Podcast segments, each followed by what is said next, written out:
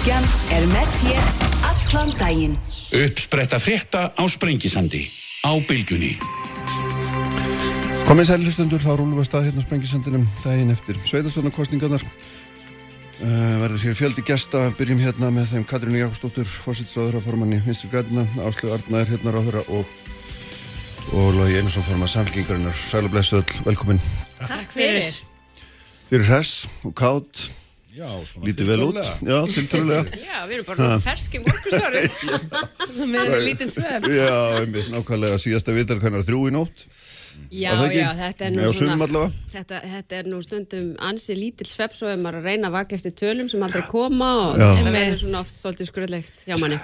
Og svo hérna, en hvernig svona Katrín, ef við bara byrjum þegar þetta var nú svo sem ekki sérstakur dagur á skrifstofunni hjá ykkur. Já, þetta, sko, fyrir fjórum árum voru aðra sveitisturnar og það má segja að það verði mjög litlar breytingar. Það er að segja við ímist höldum okkar eða styrkjum okkur það sem gekk vel fyrir fjórum árum en á sama skapi bætum við ekki við okkur í Reykjavík með þess að dölum lítilega en höldum Já. okkar manni.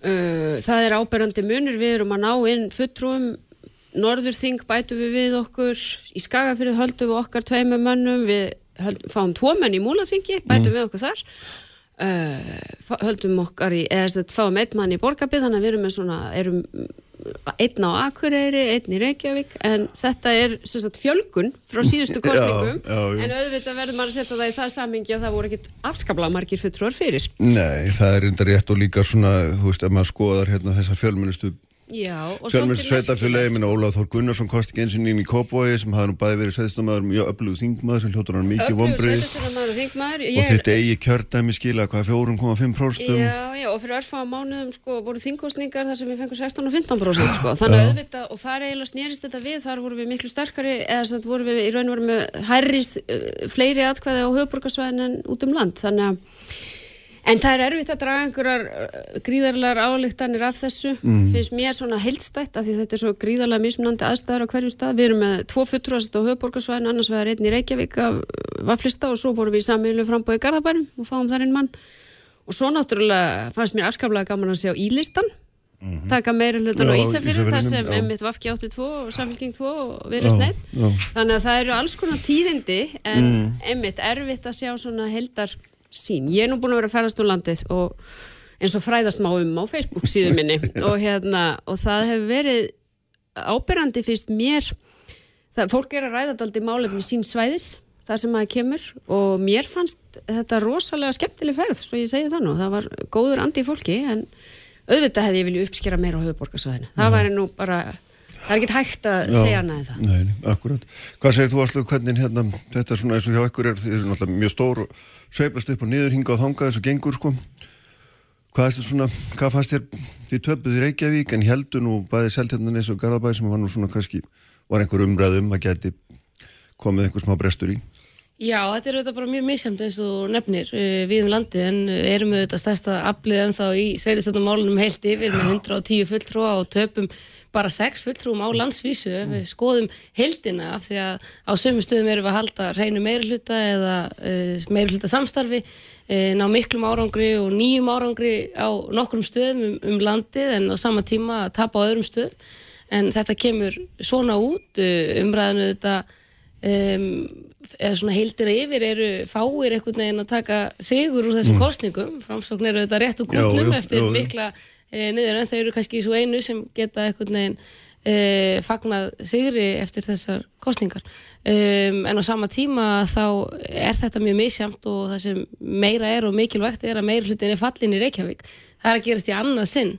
Um, og það eru þetta mjög skýr skilaboð um Mhm. breytingar og, og hérna og bara ágætis árangur, það eru þetta mjög langt síðan að sjálfstæðarflokkurinn átti og var eitthvað gríðarlega sterkur í Reykjavík en auðvitað viljum við alltaf gera betur og, en ég held að sé kannski ekki að svona horfi við landið allt og draga En eina það er náttúrulega fyrst og næst framsóknarflokkurinn sem fellir með hlutan í Reykjavík. Þið eru náttúrulega að tapa. Já, þar. já, já, um, mm.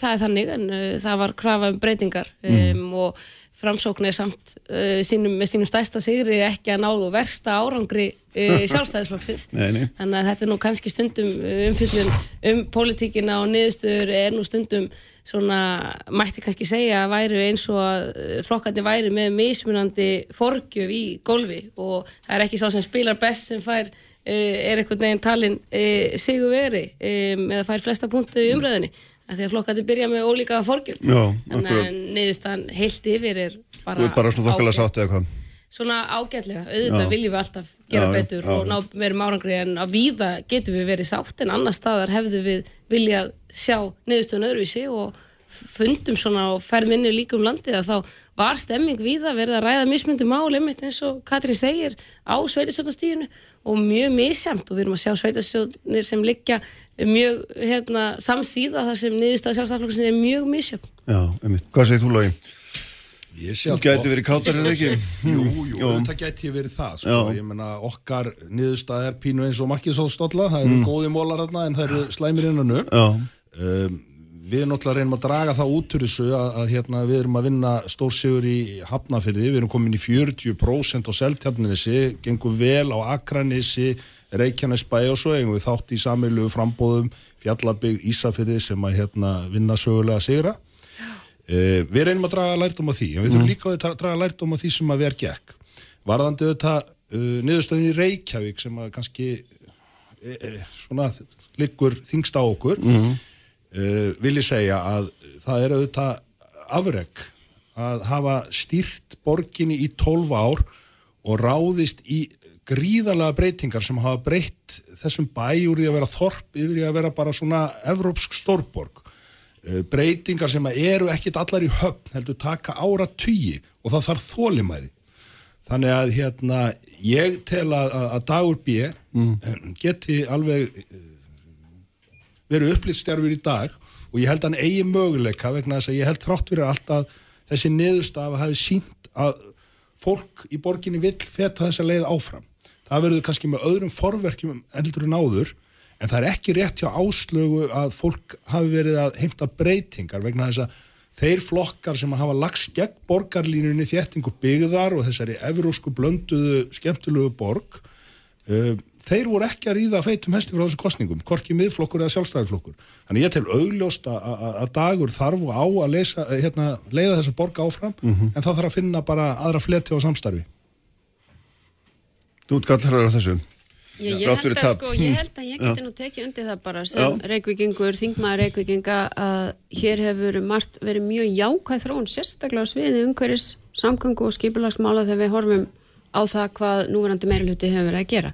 Og ég vil líka segja það því auðvitað hefði ég kosið að fá meira hér í Reykjavík að okkar áherslur, meðal annars einmitt í loslasmálum og svo skýra áhersla sem við höfum haft hringin í kringu landu og hefur skilað árangri þar sem við höfum verið sem er að uh, lækka leikskólagjöld og koma betur til móts við barnafjölskyldur. Hún hefur skilað árangri hér í Reykjavík en auðvitað hefði ég vilja uppskýra meir úr kjörkórsunum fyrir þennan árangur allan. Ég nefndi líka í gær uppbyggingu félagsbústaða sem er auðvitað stórmál og spilar auðvitað beint inn í umræðan um húsnæðismálin sem kannski var það sem svona sveitafjölu áttu mest sameinlegt ringin í kringum landi, það var umræðum húsnæðismál og þar hefur aldeilis verið byggt upp. Ég hef nú að bregðast við þessari sögurskýringu loga á niðurstöðin í Reykjavík þar sem samfélkingin eru þetta ekki að ríða feitum hesti og þetta er annar meiri hluti dag sem er að falla í annað sinn. Og það er spurning einmitt, ætlaðu að taka, tiltaka og finna einn annan flokkin til að rýsa við þennan meiri hluta sem er að falla og að missa meiri hlutan eru þetta skýr skilabúðum breytingar og þá erum við ekki að tala um þá sögurskýringu sem Logi vill hér vera að láta um borgarlínu og góðar almenningssamgöngur sem e, sjálfstæðarflokkurinn hefur líka stutt og er partur af í samningi. Um, en heldur einmitt svona þjónustu og grunnforgangsröðun í borginni leiskóla þjónustu sem er óbóðleg þar sem fólk flikkist til annara sveitafélaga einmitt þar sem það er í betra máli í betra lægi en líka bara forgangsröðun fjármuna og hinn er ymsu þættir í rekstri borgarinnar sem auðvitað er verið að kalla eftir einhverjum breytingum með þessari niðurstöð. Við getum nú alveg farið við fjármálin hérna í róliheitum og þar kemur nú bara í ljós að í rauninni er uh, staða Reykjavíkborgar miklu betri heldur en í nágranna sveitafélunum þar sem að sjálfstæðarflokkurinn hefur ráðið. Uh, Áslög talar um að, að meiruluti hafi fallið tvísvar. Það skiptir aðalmáli hins vegar að, að hérna, það er búið að keira þessa stefnu núna í 12 ár þar sem er verið að ráðast í gríðarlegar jákvæðar breytingar og það er nú ekki eins og sjálfstæðarflokkurinn þekki það nú ekki að hafa einhvern veginn röklast út úr stjórnarsamstarfi og komist aftur með öðrum meðspilurum, það er bara svona hluti af leiknum, það er að finna nýja uh, spilara með. Uh, það sem skiptir svo miklu máli, ekki bara fyrir reikvinginga, heldur okkur landsmenn alla, líka mig sem að býra á norðaustur hotninu, það er að uh, við erum með einstæða Þú ert í, í hjarta eins og Já, norðaustur. hjarta hins bjarta norðus við erum í hérna við erum í einstakri stöðu í rauninni í öllum heiminum að hér búa 80% á mjög afmörkuðu svæði af íbúi landsins. Og það er ekkit endilega uh, ákjósanleg samsetning en hún er þannig einhvað síður. Og það segir okkur að ef að við ætlum að árangri í loftlasmálum þá náum við fyrst árangri ef að við uh, hugum að þeim hlutum hér á höfuborgsvæðinu. Þess vegna skiptir hérna borgarlínan þétting byggðar svona gríðalögu máli fyrir Ísland ef að þessar ágætu konur sem sitja hérna með mér og eru ráþærar í ríkistjórn sem ætlar að uppfylla markmið okkar í loftlasmálum og skuldbindingar ef við ætlum að ná því þá er líkilatrið að Reykjavík feti svona farsala slóð.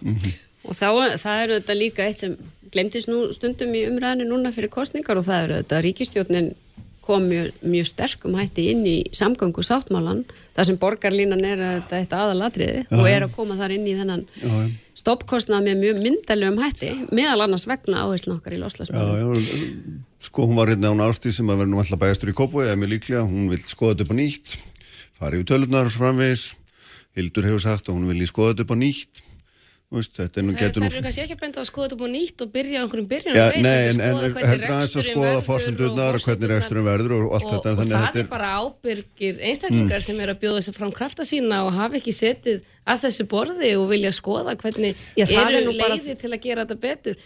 Um, þannig að það eru þetta bara fólk og skí, konur með flotta framtíða sín og náðu fínum árangri uh, samfélkingi tapaði nú hlutfarslega meira í Reykjavík heldur en sjálfstæðisflokkurinn þannig að við getum auðvitað bara hort á þessar tölur og sé síðan hverjir hvort að flokkar ætli að styðja við núverandi meirhluta sem er fallin eh, enn á ný og, og gangast undir hann eða einmitt mynda meirhluta um aðeins breyta forgangsröðun í borginni. Ég meina ástæðan fyrir því auðvitað að borgarlínan er ekki strax komin til framkvæmda er að uh, meirhaldaflokkanir í borginni hafa einmitt verið að rýna tölur og finna leiðir til þess að útfæslan verði sem best. Fyrir utan pólitík þá er ekkert sem ég hef meira áhuga á heldur en skiplasmál, það sem ég unni í 20-30 ár. Og það get ég þó sagt að við þurfum ekki að vera að standa í einhverju tilrunastar sem er þar vegna þess að allar helstu borgir nágrannland okkar, Evrópu og ég tala ekki um í bandaríkjunum sem að hafa byggt borgir upp á afskaplega óhagfældan hátt síðustu hundra ár eru að feta þessa sömu slóð sem að Reykjavík er að feta. Þannig að formúlan er klár, það er ekkert af vandbúnaði, við erum að halda áfram. Allt hekju uppbyggingu á samgöngum af ekki myndi Reykjavík og aftur hvar til bílismas, það er því svakalega vond tíðindi fyrir hérna höfuborgarbúa en það er því náttúrulega hryllileg tíðindi líka fyrir Íslandinga sem ætla að, að, að hérna, vera metnaða fyrir loflasmálum.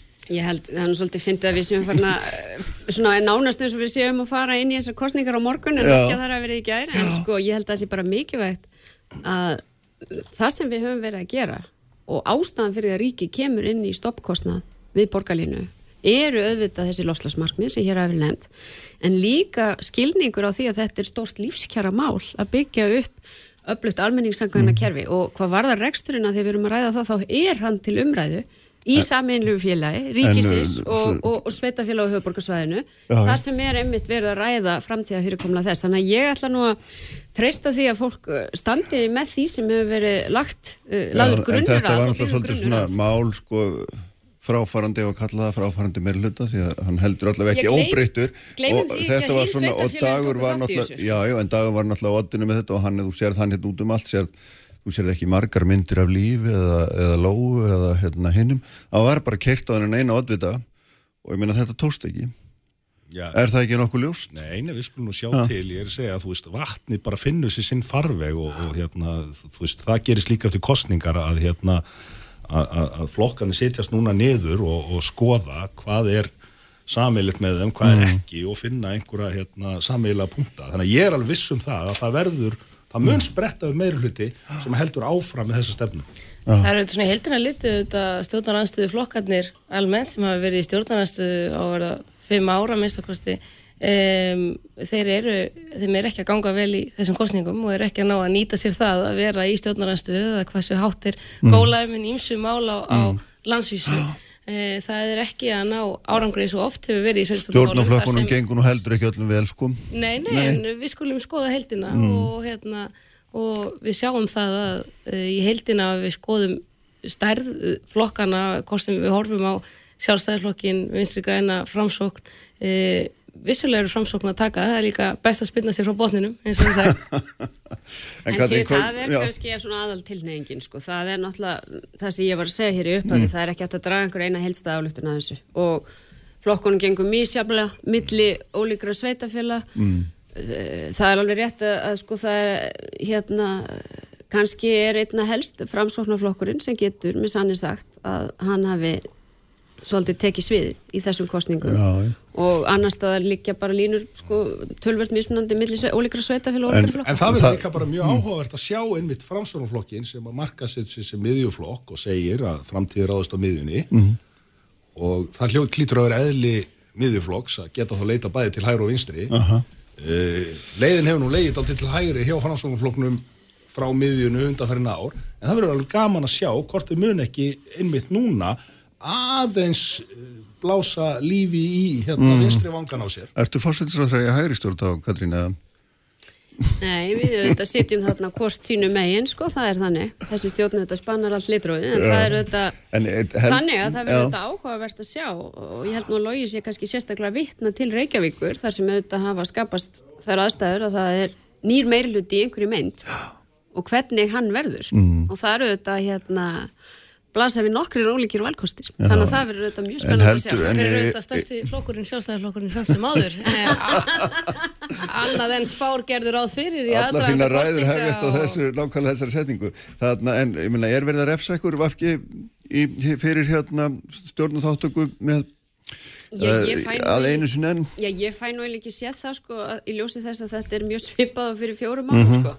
Um, En að er hvað- eins og- þið eru í fjórum prósentum rúmum í Reykjavík. Það, Já, það get, og meina, og- sósjálfsdeitin eru sko næstu í já, og fengum 16% fyrir örfum mánuðum Já, í að hvernig, hvernig, ekki lestu þessa, hvernig lestu þessa þróun? Þetta er þitt eigi kjördami. Já, já, ég meina það, ég les hana þannig að okkur hafi ekki lánast að byggja upp öflutt starf á sveitastjórnastíðinu hér á höfuborgsvæn. Það er alveg á hreinu, því sko árangurinn er annar á landsvísu hvort sem lítið í síðustu kostninga eða skoðunakannana. Þannig að augljóslega er þetta eitthvað sem við þurfum að taka til okkar. Okkur hefur tekist þetta ágætlega greinilega út um land, Já. en ekki hér á höfuborgarsvæðinu. Það er verkefni og ég meina það er nú bara, ef við horfum nú bara á fransunaflokkin sem hérna er hér umtalaður, uh, þá getum við séð það að þessi hlutir geta breyst hratt á milli kostninga. Þannig að ég líti á þetta sem verkefni fyrir okkur. Hvernig næri sjálfstæðiflokkurinn vopnum sínum í Reykjavík áslug? Eða er hann með þau, er þið, er, er, er, þið bara sátt við að vera stærsti flokkurinn eins og þú, hérna, Nei, Mark auðvitað nefndir? erum við ekki Nei. sáttu þá, við viljum alltaf vera stærri, e, menn auðvitað var mikilvægt fyrir okkur að, að halda því og Stiglækandi fylgi bara frá kostningum til kostninga, það er auðvitað þróunin. Það er misjant, auðvitað hefur þetta farið upp og niður og, og Ekki sí- 2018 var auðvitað sérstaklega góðar kostningar mm. um, og, ha- og á, í mjög mörgum sveitafölum fyrir sjálfstæðisflokkin. Þetta er ríkisstjórnarsamstæður sem eru að fara þau. Já, það er ekki auðvelt. Já, einmitt. Ég held að séu mikil tækifæri í Reykjavík um, og að auðvitað er, finnst mér og það að meira hluti sé að falla í annarsinn uh, séu skilabúð til þess að sjálfstæðarflokkurinn þurfa að koma, hann er stærsti flokkurinn og að uh, ef við horfum á það að hann komist í meira hluti í borginni að þá væri það mikilvægt skref. Uh, að öðru þetta er Reykjavík uh, talsverð áskorun fyrir flokkinu hefur verið það lengi og það er ekkert nýtt. Nei. og hérna ef við horfum svona 10-14 ár aftur í tíman um, en ég held að það séu mikil tækifæri til að ebla starfið uh, í Reykjavík og ég held að uh, Hildur sé uh, mjög góð hefur verið saminningar kraftur inn í þannan ólíka hóp, við erum auðvitað mjög breyður hópur og hefur verið mjög samstíða núna síðustu vikur sem hefur verið okkur mikilvægt og þetta gæti bara verið svona upptaktur á ennþá betri árangur eftir fjögur ár. Lói, Já, ég menna það, maður er bara orðlaus eftir þess að ræðu. já, akkurat. Ég veit ég- að það er svona ég, Þið finnst þið leiðilegt að þú, þú oftar á því að samfélkingin tapar hlutfalslega meira í Reykjavík Sko, það sem ég er að horfa á áslög, það er fyrst og fremst uh, hvað gerist frá þessari stund í dag og hvað gerist fram á við og ég er alveg Já, þú ert nú að tala inn í er eh, flokka að reyna að finna einhver til að vera að hækja undir þennan meirhluta sem var að falla Ég- ég og það hefur þú og dagur verið að tala um hér bæði morgun og í nótt að reyna að miðla til framstofnflokksins að ganga undir fallin meirhluta en öðru sinni eins og viðri skerði Já, síðast heyrðu, við Þetta var að... svo við- langum mónólóg sem Já. er áðanáslu og nú verð ég að fá að svara Já, þú er ekki að hætta. er Já. einmitt svo Já. að það hefur enginn verið hækja fyrir einhvern annan í þessum borgarstjórna meiruluta Píratar, eh, Viðreisn, Vafge þau hafa bara verið fulli þáttakandir í þessu. Það hefur gefist vel. Við erum framfara sinnuð ég sé aðra flokka ég menna flokkur f- formaður framsvonarflokksins, hann er náttúrulega stór aðili að þessu samgangu sáttmála þannig að það eru margir flokkar sem geta komið að þessari nöðsynlegu aðgerð sem við þurfum að ráðast í í borginni. Og við getum ekki og við megum ekki og það væri ótrúlega vond ef við færum sérst í einhverju gamaldags asnalegri flokkapolítík að fórna þeim frábæra árangur sem að hér hefur nást á síðust 12 árum. Herðu, ljómandi, Katrín, Áslöðarna, Lógi, takk fyrir að koma. Hérna. Sigur Ingi, Andri Takk fyrir. Singi, Þorger og Katrín eftir augnablík. Sprengisandur, alla sunnudaga á bylgjunni. Bettir þjóðmál og pólitík. Sprengisandur á bylgjunni. Sælilustundur fara frá með Katrín Jakobsdóttir, Áslöðarna og Lógi Einarsson. Sestir eru hér Sigur Ingi og Andris Ingi. Sigur Ingi Jónsson og Andris Ingi Jónsson, þó ekki bræður. Jóhann. Eða hvað, næstum, bræður í anda, sælir og blessaður og Þorger og Katrín er að koma sér fyrir líka, Gunnarsdóttir. Verðið all velkomin.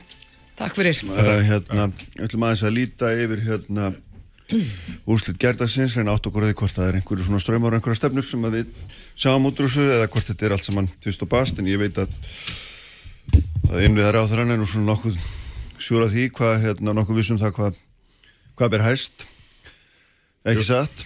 Jú, jú, þetta er þetta hérna þetta er þetta stórkostlegur árangur hjá í mínu fólki, ringin í kringu landi það eiginlega næstum sama hvar.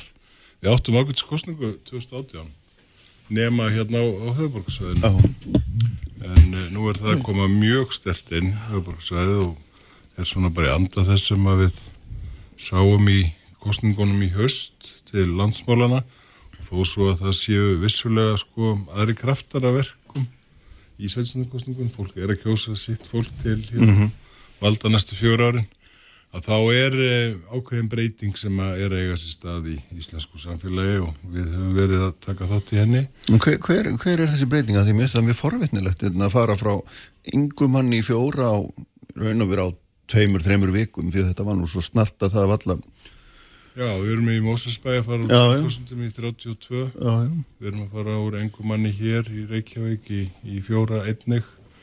Og við erum hreina meirlöta í Borgarbyggð 35% á Akranesi. Við erum með tvo menn í, í hérna flestum, flestum hérna í, í það sem við buðum fram hér í Kraganum nefnum Garðabæði, þar eru líka með fyrst, fyrst með hérna, mjög öfluga kostningu og manninni, hann að Brynju Dan í fyrsta sinn held ég í þrjú kjörtuðanbel eða ekki fjór þannig að jú, það sem er að gerast er að held ég að, að almenningur á Íslandi er opna auðsinn fyrir hvað framsókstendur fyrir. Er að hafna augum sem að við sjáum kannski meira út í heimi. Þessari polariseringu bæði í bandaríkanum og, Evrópu sem að hefur nú endað með stríði þar. Mm. og við held ég að svona undistrykka með sínum sínum hérna atkvæðisrétti að það vilji skinsamar, skinsamar politík Mm Hvað segir þú er þetta Hafna augum. skrifur undir þetta? Er þetta, er þetta Já, það sem ég, skýringin á þessu? já, það sem að ég skrifa kannski undir er að, að uh, það er mikilvægi miðjun og má kannski segja að framsóknarflokkin nálgist miðina frá venstri og við kannski meira frá hægri en, en ég fagna því ef að við getum farið að saminast meira um það einmitt, að, að íta þessum, svona, þessum öfgum og þessari polariseringu uh, út af borðinu þannig að miðjan verði sterkari það hefur við verið að kalla eftir núna frá því bara eiginlega við vorum stopnuð að við styrkjum okkur og við tölum meira saman á miðjunu þannig að það sé ekki alltaf jæðirarnir sem að, sem að ráði, ráði för. Að því sögðu að þá er ég svona heilt yfir fyrir utan, ég ætla bara að byrja því að, segja að það er ótrúlega leitt og mikil vonbreið að Pavel komst ekki að í, í, í borgarstjórninni eftir að hafa staðið sér feikilega vel og við höfum sínta í borgarstjórninni að, að viðreysn er, er svona afl sem að sínu stöðuleika, við, það er auðvilt að vinna með okkur, uh, við erum ákveðina síni og, og svona vinnu aðferði til þess að tengja fólk saman, talandu miðina er svona að reyna að tengja þá jára sem þar eru líka saman og, og sínt þar að það er ríki stöðuleiki samstarfi þar sem við erum. Hitt er síðan að, að ég er eiginlega ef einhver hefur sagt mér svona fyrirfram að þetta er niðurstöðan þvert yfir fyrir, fyrir viðreysna þá hefði ég verið mjög sátt, við erum fjólastærsta aflið á sveitjasundastígi, bæði hér á höfuborgarsvæðinu og svona þvert yfir. Við erum að uh, ná og bjóða fram í fyrsta sinn í, í Garðabæ um, og þar erum við að ná, sko, það er sterkast ef við í rauninni viðreysna, ríflega 13%, hátt í 14%, það er gríðarlega góður árangur. Við erum að ná góðum árangri þó að við missum hann í Kópavogi að þá erum við að bjóða fram í fyrsta sinn og ég verð nú að, að, að segja að það er afl, ópolítist afl sem kemur hressilega inn Ó, þarna og tekur svolítið af uh, kannski minnst af okkur en greinilega veikir mjög uh, samfélkinguna og ekki síðu vinsturgræn við erum stærri í Kópói heldur en samfélking píratar og, og vinsturgræn við erum að fá fulltrú í öllum höfuborga sveitafélagunum og síðan erum við með okkar fólk í samvinnu á öðrum stöðum eins og til og meins glæsilegur uh, meiruluti, hreitt meiruluti á, á Ísafyrði við erum að fá fulltrúa inn í, í borgabygði í sameiglegu frambóði sem er viðrisnakona, við erum að fella meira hlutan í, í hveragerði. Það er, Sigur Ringi vorum að tala um það hér áðan að, að öðruvísi okkur áður brá að sjá sjálfstæðisflokki fara úr 50 eitthvað prosentum niður í 30 eitthvað. Mm. og þar um, er, er, það er gaman að fylgjast með því og, og halda okkar í, í Árborg og svo framins, þannig að Já, það eru vombriðarnir á milli en svona heilt yfir þá er ég sátt fyrir okkur í viðreysn og ég fagna því og ég vona það að, að þó að hafi verið einhverja kritur ofta á mill okkar, frams, okkar við, við framsóknflokkin mm. að, að miðja með þessu og ég bara tekur sér fagnandi ef að þetta verður lína sem að framsókn ætlar að gefa að styrkja miðuna því að stundum hefur mér þótt við vera svolítið eina á miðunni. Mm -hmm. Andris, Já, mér, hvernig var þessi nótaskristofunni? Það var ágættir Reykjavík en svona ekkit sérstakvæmst með svona þessu utan eða hvað? Já, við fórum úr því að eiga þrjá kjörnafylltrú á Sveitarnsdóttir mm. upp í að eiga fimm. Við Já. vorum í sammeilegu frambóði áfram Árborg sem náði en e, Ottvita sem er pírati. Já, en það sem þið buðið svona fram í eigin nafni þar Já, þar. Já, þar, þar gekk það ekki sem skildi nema það sem við vorum með fylltrú á fyrir og þar uksum við á báðanstöðum bæði Kópóið og Reykjavík. Já. Og í Reykjavík hafa pírati bætt við sig fulltrúa einum í hverjum kostningum frá því að hérna, flokkurinn komst inn þannig að svona, þegar kjósendur dæma verkinn þá, þá kemur það vel út. En minnst áhugavert að sko heyra Sigur Inga tala um sko það að Sigur uh, framsóna byggist á sko einhverju ansbyrnu við polariseringunni að því að þetta var sko þetta var einhvern veginn grunnmark með ríkistjórnarina þegar hún var stopnud 2017 þetta var það sem Katrín Jakobsdóttir sagði að það væri ástæða þess að mynda ríkistjórn yfir við pólitíska litró eins og það hétt mm. uh, þannig að það er umhugsunarefni þeim meina að hérna, það verkefni hafa greinlega tekist svo illa að, að það er enda hægt að keira já, það, ef, ef það telst vel að, að sópa öllu fylgir til framsóknar það, Er það, það allir orðið miðjum en bara Íslandi? Ég, ég held, ég held að það sé samt sko álita efni sko. Það er allavega hérna gaman að heyra að einhverjir segja við séum nýla komin inn á miðuna, við erum búin að vera 105 ári, ég heyrði einn í gær verið að tala um tísku fyrirbreyði ég man ekki eftir skilgreiningun á tísku sem hefur staðið 105 ára en það getur verið að það hugtak hefur endur skilgreind núna síðustu svolítið reng Nei, ég ætla, ætla að bara segja sko þetta að þú spurðir hvort það væri eitthvað að gerast síðan náttúrulega sko ástæðan fyrir þú vinnur kostningar það er að þú ert með gríðarlega öflugt fólk en við fengum mikið öflugt fólki til okkar vegna þessa trend sem ég var að lýsa vegna þess að mm. fleiri hafa vilja vera með okkur og fyrir vikið voru listanir okkar gríðarlega blöðir og svo erum við bara eitt lið, það er það sem ekki liðsheld sem að byggir á því að við trúum mm. og það er okkar hugssjón að samvinna sé hérna leið til, til e, lausna politiskra vandamála, alveg svo sömur trú að einhver hægri stefna eða vinstri stefna leysi vandamálinn, þá trúum við því að samvinna sé það og með þegar að vel tekstil þá hefur okkur tekist að búa til gríðarlega sterkar liðsheld bæði innan einstakra samfélaga en líka heilt yfir mm -hmm. og það er ástæðan og ég er bara greiðlega stoltur af öllu þessu fólki sem hefur lagt ómæld að vinna á sig eins og auðvitað allir er að gera og það er allir að reyna að bjóða sig fram til að gera góða hluti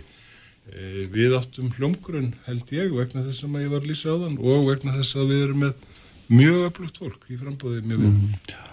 Það er náttúrulega hérna, þetta sem var mjög merkild við þessa kostningabortu, þannig að mér allavega, hún er allavega bara svo stutt, þetta eru bara einhverja tvælir vikur og hún fer aldrei á neina dýft. Hún gerir það ekki, það bara gest ekki tækifæri til þess og þá verður hún svolítið svona yfirborsleg. En er það ekki svolítið hérna með Sveinslandstíð, ég var nú sko í fjór kjörtið að byrja reyndir að litla sveitafélagi en, en hérna, mér er alltaf þótt, uh, það, er, það, er, það er sjaldan sem það verður mjög svona mikill æsingur. Það getur verið um einstök mál og þá er það í einstöku sveitafélagum en ég held að það er svona erfiðar að komast að og svo fjölmjölar eru þetta að horfa bara fyrstur Þetta er náttúrulega rættir ekki jafn mikið í landstekkandi miðla en, nei, nei. en eins og í múlaþingi þá voru alveg heilmillar umræðir á staðnum um fiskildi til dæmis mm -hmm. þannig að, að þar var alveg umræð á dýftina um málefni og, og hægt að finna dæmi hringin í kringu landið en þó það komist ekki í bylgjuna eða rástvöð þá, þá hérna, ású umræðið sér samtalið Já, já, já, já, já, já, við hérna mörguleiti sammálaðs en líka hitt kannski að að flokkarnir við, þú veist, við náttúrulega erum bara að vera sex ára eftir tíu dagar, sko. við erum ekki hundrað eitthvað ára, og, en það sem við erum að reyna að segja og það, það sem við þurfum náttúrulega að bæti í einmitt er að við erum að reyna að koma fram sem frjálslind miðjuafl, uh, þú veist, sem leggur áherslu á, á að landi sé velkomið, þú veist, útlendinga séu velkomnur hérna, uh, það sé frjálst, opið menning, fjölbreytt uh, menningarsamfélag gegnsægi ríki við, við stjórn, stjórnarhætti. Þannig að það sé svona ákveðin megin þema, almannahagsmunir er alltaf fram að sérhagsmunum, bara það er svona stóra markmið okkar. Um, þannig að, að hérna, við hefum stundu sagt og í fyrstu kostningunum okkar íttu við undir það samhliða almannahagsmunni fram að sérhagsmunum að svona hagstjórn vinstri velferð svona dæmi gert miðjan að reyna að, taka tillit til það besta úr, úr öllu En, en svona yfir að heldina, sko, ef maður hugsa um þetta bara pólitíst, þá er framsóknarflokkurinn með sinn stóra sigur. Hann er svolítið að ná tilbaka, bara svolítið, hann er nokkurt veginn fyrir utan Grindavík að ná tilbaka miðflokksfylginu og síðan náttúrulega sækir hann mjög inn í fylgi sjálfstæðisflokksins og það er alveg augljóst að hann gerir þá sjálfstæðisflokkurinn, ég heyrði það að formaður þess flokks var í gæri eitthvað að reyna að verja það og benda á bankasöluna. Ég held að það sé mikil einföldun að það sé bara bankasalan þó að það sé sko stórkostlegt klúður að þá held ég einfallega að, að við erum að horfa á landið að það eru tveir flokkar sem eru báðir í ríkistjón sem er að gelda afflót og það er annars vegar sjálfstæðarflokkurinn söguleg ósegur í, í borginni, við erum að sjá að minka líka heim í Hafnafjörði við erum að sjá að minka líka í Kópavói svona sem hefur líka verið eitt af víjónum og þú svo ég tala nú ekki um Garðabæð þó þið haldi meira hlutunum þá er þeir að missa uh, fylgi. Þannig svo er náttúrulega vinstri græni það er náttúrulega mjög mikið umhengsunar efni hvernig þeir eru að koma og það er verið að tepla fram öflugu fólki eins og Ólafi í, í Kópái þeir bara er ekki að ná inn fyrir þingma fyrir bæjarföldur og þeir eru ekki að ná inn sínu fólki. Þannig að þeir hljóta að hugsa hvað er það sem við erum að gera til að mynda í ríkistjóð þeir eru með forsættisráð þeirra stólin ekkert smá. Og árangurinn er ekki betri þannig að, að eðlilega og við, minnst ég viðrist, við sáum margt gerast vel en annað sem við viljum gera betur og við mm. ætlum bara að fara í ákvæmnan aflaskoðun og, og sækja áfram fram á okkar gildum. Þa, þá hljóta líka bæði sjálfstæðaslokkurinn og vinstir græna að spyrja sig hvað er í gangi hjá þeim sko. Já þetta er náttúrulega sko 2018 kostningarnar fyrir fjórum árum þá, þá galt Vafki strax afróð, þá, þá sko var bara katastrófa í öllum sveitafélögum. Flokkurinn náði bara að halda sjó ef ég mann rétt í skagafyrði og borgabygð og það sem gerist núna er að svo þróun heldur bara áfram. Eh, annar fullrún í borgabygð dettur út, eh, fullrún í Mósfellsbæð dettur út. Mm, Formaður var nú ekki alveg á þessari skoðun, fannst þú þetta svona vera... Já, það, það var líka mikil afnættum 2018 eh, en þau þurfa bara að fara að horfast í auðvið að, að, að þessi flokkur menn, það, það er bara eigðimörk á höfbruksvæðinu eh, þau hanga með eitt fulltrói í Reykjavík og, og bara, mm. uh, bara rétt svo fulltrói sem að sko datnast út fyrir fjórum árum og fæði færri atkvæði núna þannig að uh, þetta kallar á eitthvað meiri mm. naflaskoðun sko mm. mm. og, og kallaði á hana 2018 og það var bara ekkert farið í hana þannig að þetta er hérna en það er náttúrulega mjög sterk afneitun á því að, að stjórnarsamstari hafi þessi neikvæði áhrif innan flokksins þannig að ég gerir mér ekkert endilega vonir um að, að þeim muni horfast í auðvitað þetta. Segir fyrirrandi flósmaður. Já, ég, hérna, ég, ég verða þess að kommentera á já, það, sko, bara hérna, við og aftur út á kostningabarutunni, við bæði núna og höst og reyndar síðustu líka þá hefur við bara verið að leggja áherslu á okkar mál Mm. ég heyri margir flokkar hafi svona svolítið verið að reyna að höggva í hvern annan og heyri núna hvernig Anders Ingi talar um sína fyrir randi eh, hérna samstags fólk í, mér sínst að það hafi ekkit sérstaklega gagnast þeim sem hafi verið hvað grimmastir í að gaggrina aðra en kannski lagt minna áherslu á sín eigin mál. Og ég held að það sé líka hluti af, af þessari hérna, árangur okkar er að við höfum verið frekar e, bara jákvæðið og við lítum á Ísland sem land það sem er mjög margt gott enn hægt að gera betur. Mhm. á meðan að margir lita Ísland mjög dökkum litum um að það sé hér allt ómulagt ég, ég verði segur smábarandar en östuður ég hitti tvo kalla í, í gæ- gær held ég. Og annar sagði mér að hann var hættur að hlusta fjölmjöla að það var svo leiðinlegir.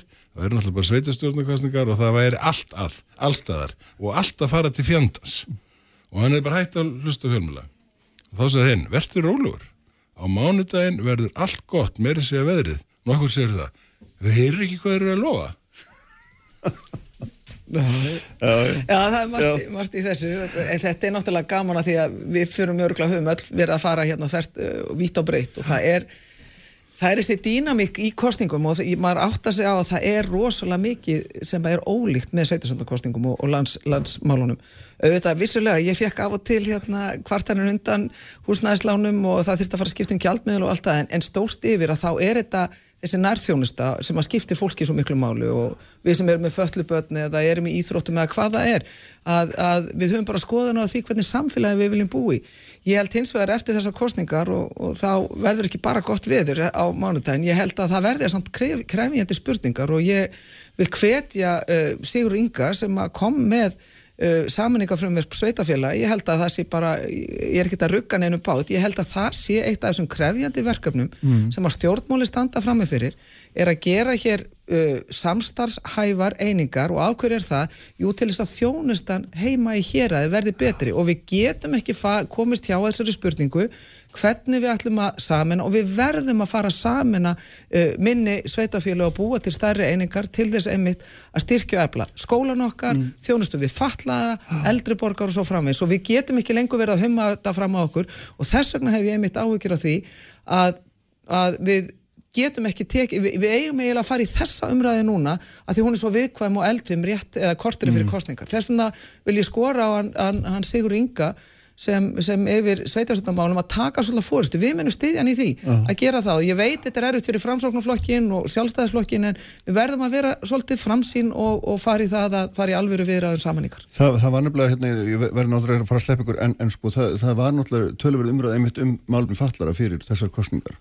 Og það mjög kom, mikið. já, mjög mikil. Og það kom náttúrulega berflegili ústlum svo fundaherferð hérna, þróskahjálpar og, og, og öbji um landið, Mm. stóð upp foreldrar og hvernig fundur um fættur öðrum og svo við viljum bara, þurfum að flytja því við fáum ekki þessa þjónustu og, og hérna, eða við þorum ekki að flytja því við vitum ekki hvað býður okkar og svo framvegis það er hérna, ekki nokkuð leið fyrir fólk að að feta sig áfram í þessu. Þannig að þetta er þetta alveg rétt hjá Þorgir í Katrínu svo ég tæki mér. Nú það er best að leifa að nefna það en minna, þetta er málaflokkur sem að hérna, ríki og sveitafjölu hafa verið allt og allt of uh, haft allt og mörg grá svæði ágreinlega fyrir vennilegt fólk til þess að feta sig áfram í.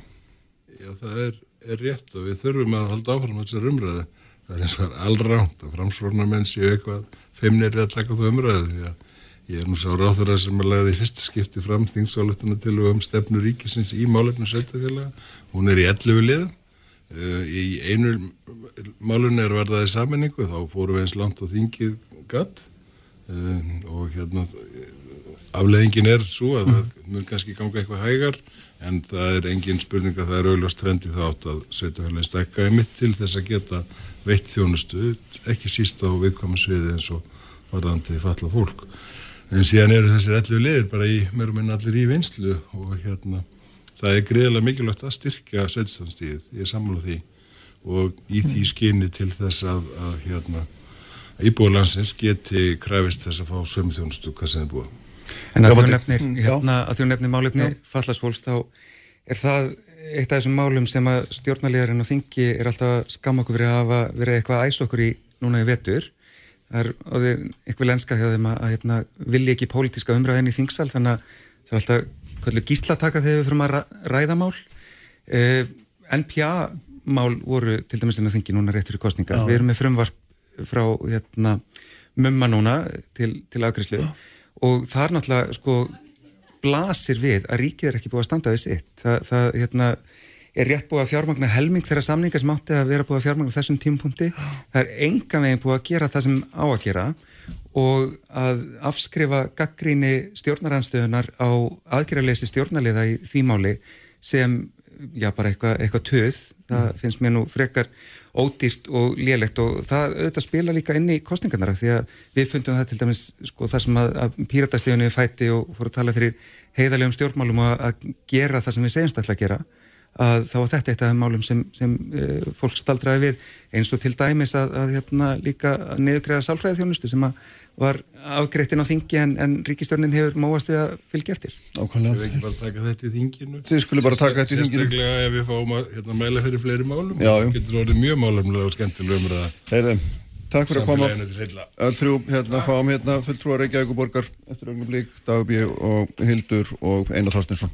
Takk fyrir. Alla sunnudaga á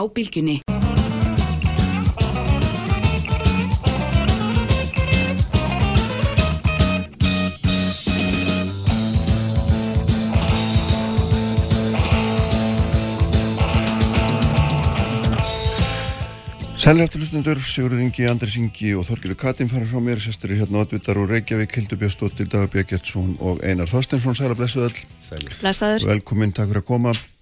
Það er gjörbitt landslægi Reykjavík, held ég mér sér ótt að fullir það. Hérna framsóknokkurinn riðstinn með miklum krafti, tekur fjóra menn og þið tapi bæði, Dagur og, og Hildur, einhverju hérna tapi mannum. Uh, meiri hlutin af hallin, allavega sá sem var. Þetta er nú bara ansi, ansi hressilegt. Þú bóðaði breytingar hennar. Hverju verða þær? Uh, hvað ætlar að gera? Já. Þú hefur svolítið valið. Já, er það. Ég, nú erum við bara svona að meta stöðuna Já. og hérna, e, það var gaman að sjá lokatölunar í nótt og e, við erum bara greiðlega þakklátt fyrir þennan stuðning.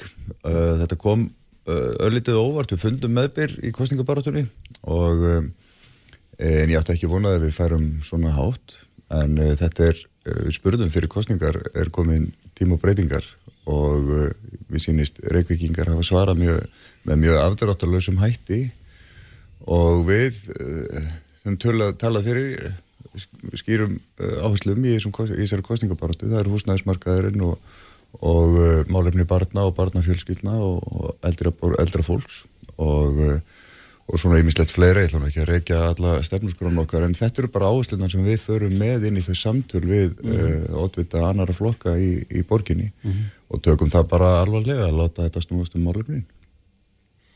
Góð svar, klassist. Þannig að lært. Hvað segir þú dagur? Hvað, hérna, þú hlýtur nú að vera hljóta að vera ákveðin vonbriði. Já, við- Sérstaklega ef við svona skoðan stöðun í kannunum enda harnar vikur að hún hefur hún bendir til annars. Já, já, það er alveg rétt. Það var mikil sveifla með, með framsók greinlega loka metrónum uh, og uh, ég hefði gætna vilja fá sex mennin ekki fimm uh, og að meirilutin hefði haldið en þetta er enga síðan niðurstaða sem að er aðteglisvert fyrir margra sakir. Ég minn eitt af stóru átakamálunum í kostingunum voru spurningar um hvernig Reykjavík ætti að þróast og höfuborgarsvæði hildreinar uh, á næstu árum og, og uh, ef maður skoðar svona úslitin í þvíljósi þá eru flokkar sem að stuttu indriði borgarlínu og Mhm. samgöngusáttmálan og, og þessar mikla breytingar sem eru framöndan að, að þá eru þeim í fylgi langt yfir 60% og meðan flokkar sem voru löðist gegn þessu voru langt undir 30% voru raun, raun hafnað að, að segja má þannig að, að, eh, að þetta er þetta er svona kannski stóra myndin þetta eru auðvitað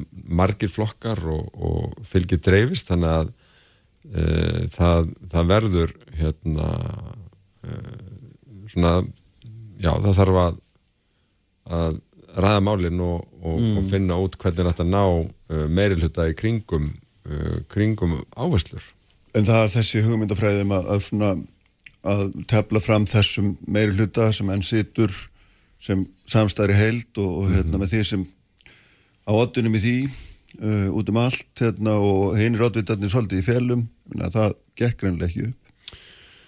Í það í raun bara var mjög uh, náttúrulegt framhald af, af mjög góðu samstarfi Mm. sem að fjall hvergi skuggi á og, og hérna hefur verið mjög samhendur hópur og þess vegna var bara mjög eðlilegt að og ég held að við höfum bara öll verið að tala frá hjartanu að, að ef að meirlutin eða haldið þá er því það hérna, fyrsti kostur.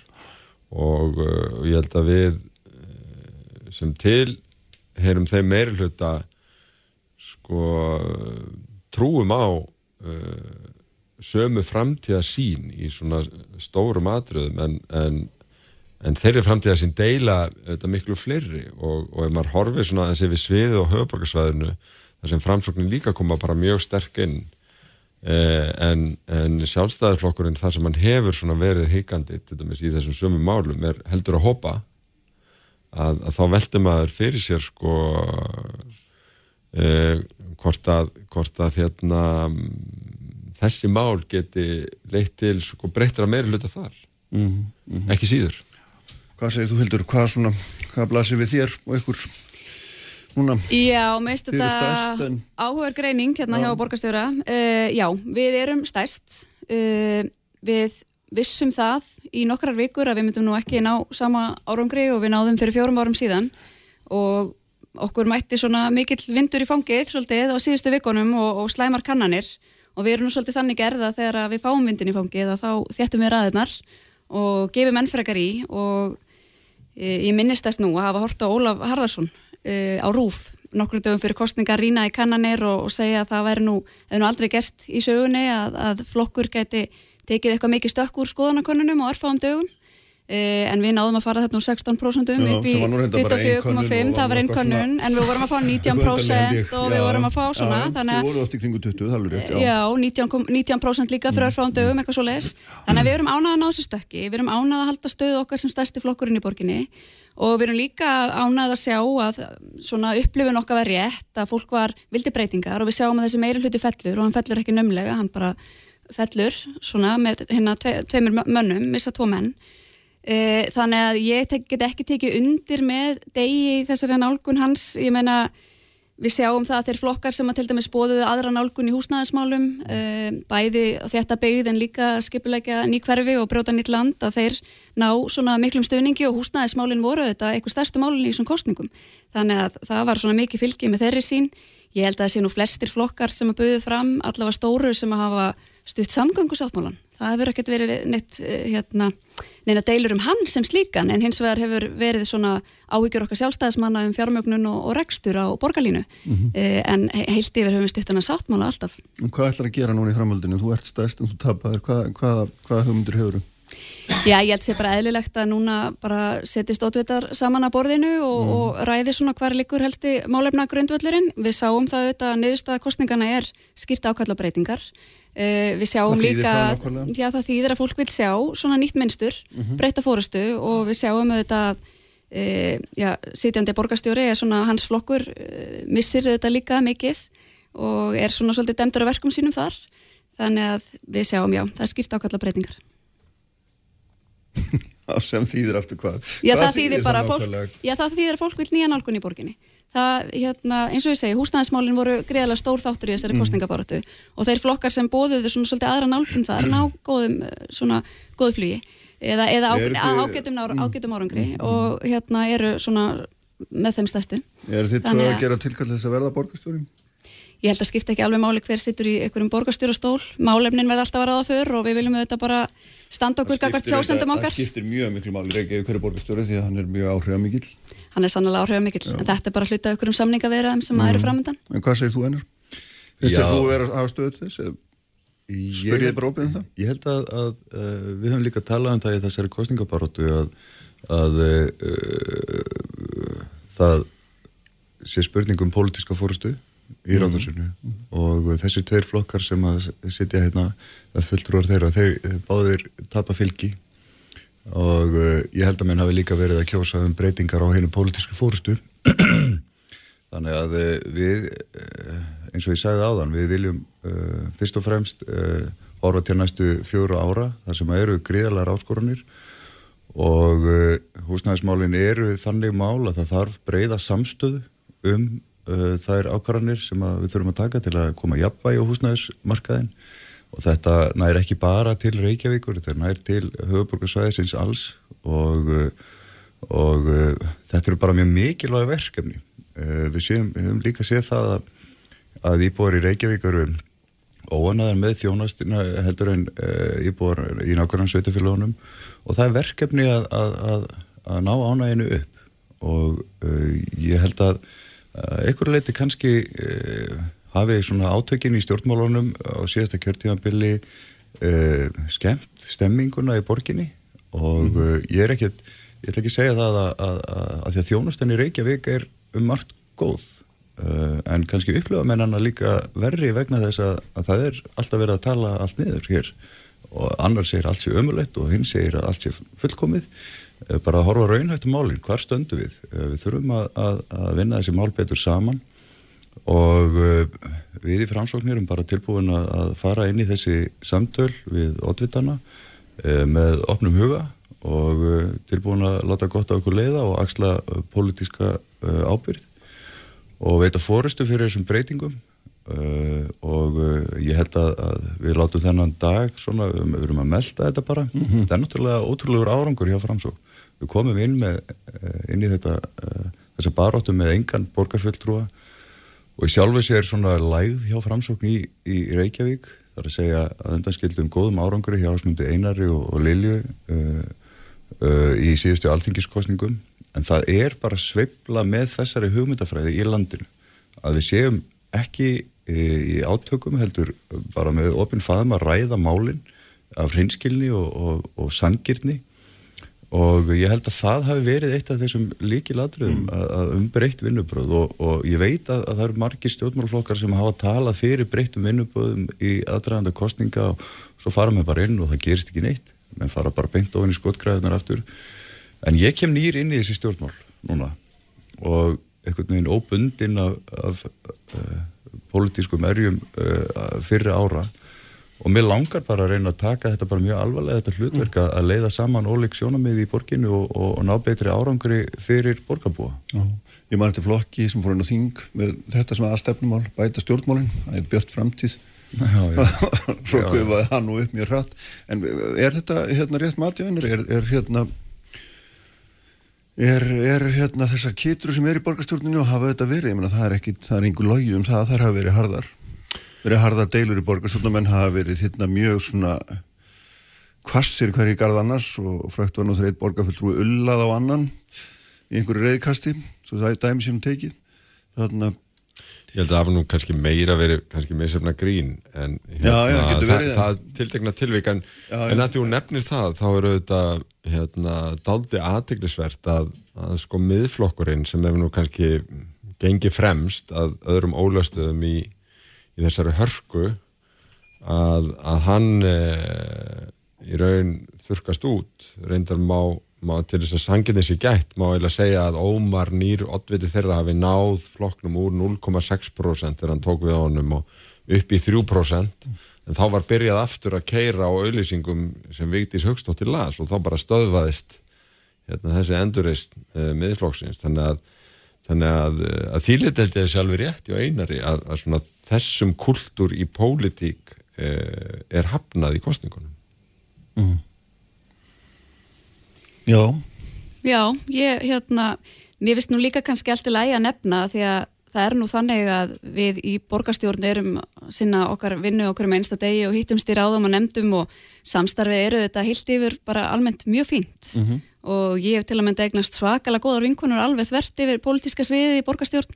Þannig að það er nú bara þannig að fjölmilar hafa yfirleitt áhuga á átökunum Aha. en, en það er hérna alveg góð vinabönd og góð samstæða og svona Þannig að þetta er ekki kultúr sem þarf að laga og telur þá ekki úr kannski, kannski er ákall frá fólkinu í borginni að við sínum líka svona betri Mm. hliðarnar, uh, þú veist uh, en eins og ég segi, mér finnst bara þó að við bara virðum það hvort við annað að við erum með, byggjum ólíkri hugmyndafræði og höfum ólíkar skoðunir á málunum en, en getum samt verið Mhm. félagar og verið vinnufélagar En og, hvernig skýrir þú sveifluna frá ykkur til dæmis yfir í, í framsóknflokkin?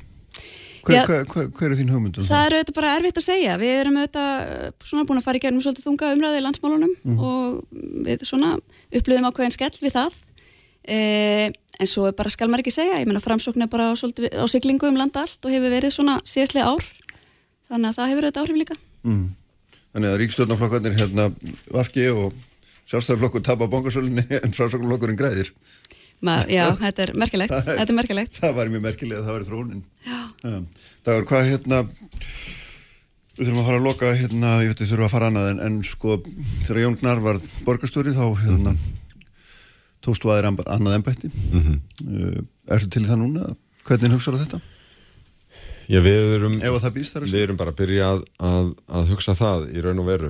Núna er úrslutin komin og, og hérna uh, hugsa- ég seti spæði niður með mínu fólki og, og samstagsfélagunum úr meirilutunum í dag og tökum stöðuna í, í ljósi úrslitana og ræði næstu skref. Það sem er auðvitað ólíkt í sveitafélagum með að við til dæmis landið er að það er ekki til e, í rauninna leikreglur og enga formreglur um hvernig meirlutamyndanir eiga sér stað. E, það er ekki þannig að, að hérna, stjórnmálafóringinni fara í röð til fósittans og síðan fara einhver stjórnamyndinu umbúð heldur, heldur þar fólk svolítið að finna út úr þessu. Þannig að, að hérna mm, e, við þurfum að, að nýta tíman vel e, næstu daga eh, til þess að mynda meirluta en, en ég held að skipti bæði máli að, að, að hlusta eftir bara því hvað kjósendur eru að segja þessum kostningum hvað kjósendur voru að segja konunum fyrir kostningar og, og síðan uh, ná að mynda meirluta um þessi stóru verkefni sem eru þetta í mínum huga langstærsta málið Mm. uh, að tryggja þeim framgang Ljófandi, heldur komast ekki lengra í byli, ég fæ ekki uppur ykkur í Þetta er voðalega loðið allt saman alveg hreint sérfræðingar í loðmöllu 1, 2 og 3 Herri, Takk fyrir að koma öll og gangi ykkur vel í þessu sem framundan um, Höldum hérna áfram eftir augnablík Sprengisandur. Alla sunnudaga á Oddvita þessara þryggju stærstu flokka hérna í Reykjavík um, það sem var nú var nú bara tölver breyting og svo sem var það nú víða sestur í hjá mig Greta Þór Eithórsson sem er auðvitað er ekki nú brest með minni, prófessor já, auðvitað, Háskólan Akureyri Já. og sérfræðingur í sæðstundamálum hérna, sæl blessaður, velkomin Takk fyrir það. um, Ef að horfa eins og Reykjavík að byrja með því það er nú svona stærst og mest það var gríð, þetta, ég menna þetta er menn töluðu nú mikið um, ég menna Þóru Snæður skrifaði grein þar sem hann talaði um pólitískan jarðskjálta en þessi jarðskjálti var reyndar allt öðruvísi heldur en heldur en sá sem spáð var, var það ekki? Jú, sko, þetta var nú, það má kannski segja að allra síðustu kannanir hafa verið, hafi verið farið að, að benda í þessa átt. Mm. Þetta kannski fór eitthvað öllítið lengra, þó var búið að spá framslóksfjórum og sjálfstæðisflokkurinn sjálfstæðisflokkurinn fekk aðeins meira heldur en síðustu kannanir spáðunum já. sem að hefur nú gæst áður, sko. Já, Þannig, en, en samfélkingin var greinilega ofmæld. Já. Það, svona, það fannst mér svona, það var kannski svona sem voru, voru tíðindin í þessu sko. já Mm. nákvæmlega og, og meiri hlutin hérna svona virtist að manni allavega svona kannski ekki allra síðustu dagana en svona fyrir þann tíma virtist manni vera tröstari heldur en hann reyndist svo vera Já, hann, alls, hann stóð alls ekki tröstum fótum Nei, var staðið sko. nei, nei Hvað heldur þú að þinni speki að þetta hafi ráð þessu? Hér hafa menn farið mikið í því að fólk sé orðið svo skinsamt og vilji bara vera á miðunni Já, hann, sko, stærsti stjórnaranstöðuflokkurinn hann tapar, sko, hann fer úr 31% í 24 þannig að það, það er ekki það, það sem að skýrir tapið, en það er þetta er sigur framsóknar. Já, sem að, sem að er að, er að hérna, vikta þarna mjög mikið, það er náttúrulega fjóri og nú engum manni í fjóra það er Það er það merkilegt. Dugar til, dugar til þess að, að sko, velta öllum koll í 23 manna borgarstjórn já, já, nákvæmlega En hvað er svona, ég meina, ef þú horfir á þetta aðeins ég er að velta verið mér sko þetta var mjög stutt kostningabarata og, og hérna og ég hef svona verið að vera að varpa þér í kenningu fram hún hafi ekki verið mikið á dýftina ég meina hvað, hvað er það sem gerist? Hefur einhverja hugmynd eftir eitthvað í hug? Hvað er það sem gerist á þessum örfa og vikum sem að veldur því að, að það verður svona mikil breyting? Það getur náttúrulega verið svona, fleiri en eitt og fleiri en, fleiri en tvend sko. við vorum verður auðvitað að minna á það að, að sko framsóknarflokkurinn var komin á einhverja ákveðna bylgju í borginni hérna í fyrra haust til, til alþingi sko og gekk mjög vel Mm. uh, en allavega þá tókst sko þessu frambúði núna til borgarstjórnar að, að viðhalda þeirri bylgju og því, því fylgi og gott gott betur. Já, já, og, já, og, og kannski er þetta líka það að þeir ganga opnið til kostninga Já. og kannski var það í hugum einhverja kjósenda það væri kannski gott að fá það þarna bara inn til þess að finna einhverja, einhverja góða málamiðlun. Já, já, já. ég veit það ekki, það Nei, kannski nei. endar það með því að það verði einhver málamiðluna leið í þessum borgarlínumálum og byggðaþjættingamálum og öðru þessu sem eru stórum málum sko. Nákvæmlega, sko við erum með hérna á línunni núna hérna uh, Höllukarinn Kristján Stóttur Sæla Blessuð sem er hérna einn af sigurvegurum kostningana úr Mósinsbænum og fullur framsóknum manna Mhm. Já, þið, þú fórst úr líka úr engum manni í fjóra og það er miklu fámennari bæðastundeldurinn í Reykjavík og maður hérna verðum að byrja það óskar til hamingi með það Takk að kellega fyrir og takk fyrir að hafa samband. Já, það er nú minnst, hérna, hvað hva, hva gerðist eiginlega hjá ykkur? Já, við eiginlega bara erum bara sjálfa átt okkur á því hvað þetta er mikil sigur og hvað við erum þakklátt bæjarbúum og sjáum að, að hérna, við erum greinlega klukka fullt af fólki og ég held bara að já, það væri örgulega hægt að skoða það í þaula hver er hver, hver er formúlan en alltaf sé ekki bara sterkur og fjölbreyttu listi með bara heiðarlegu og venjulegu fólki sem, við, sem eru svona leiðtóar hver á sínu sviði Já. Hefur, hefur þú til mig sjálf verið í, mikið í stjórnmálum áður? Ef ég las einhverstaðar einhverja fréttum að væru, þetta væri mestmægnis nýtt fólk og alveg gjörbreyttu listir frá því sem áður var. Þið hafa ekki átt mannaða frá því hvað var, 2006 er það ekki?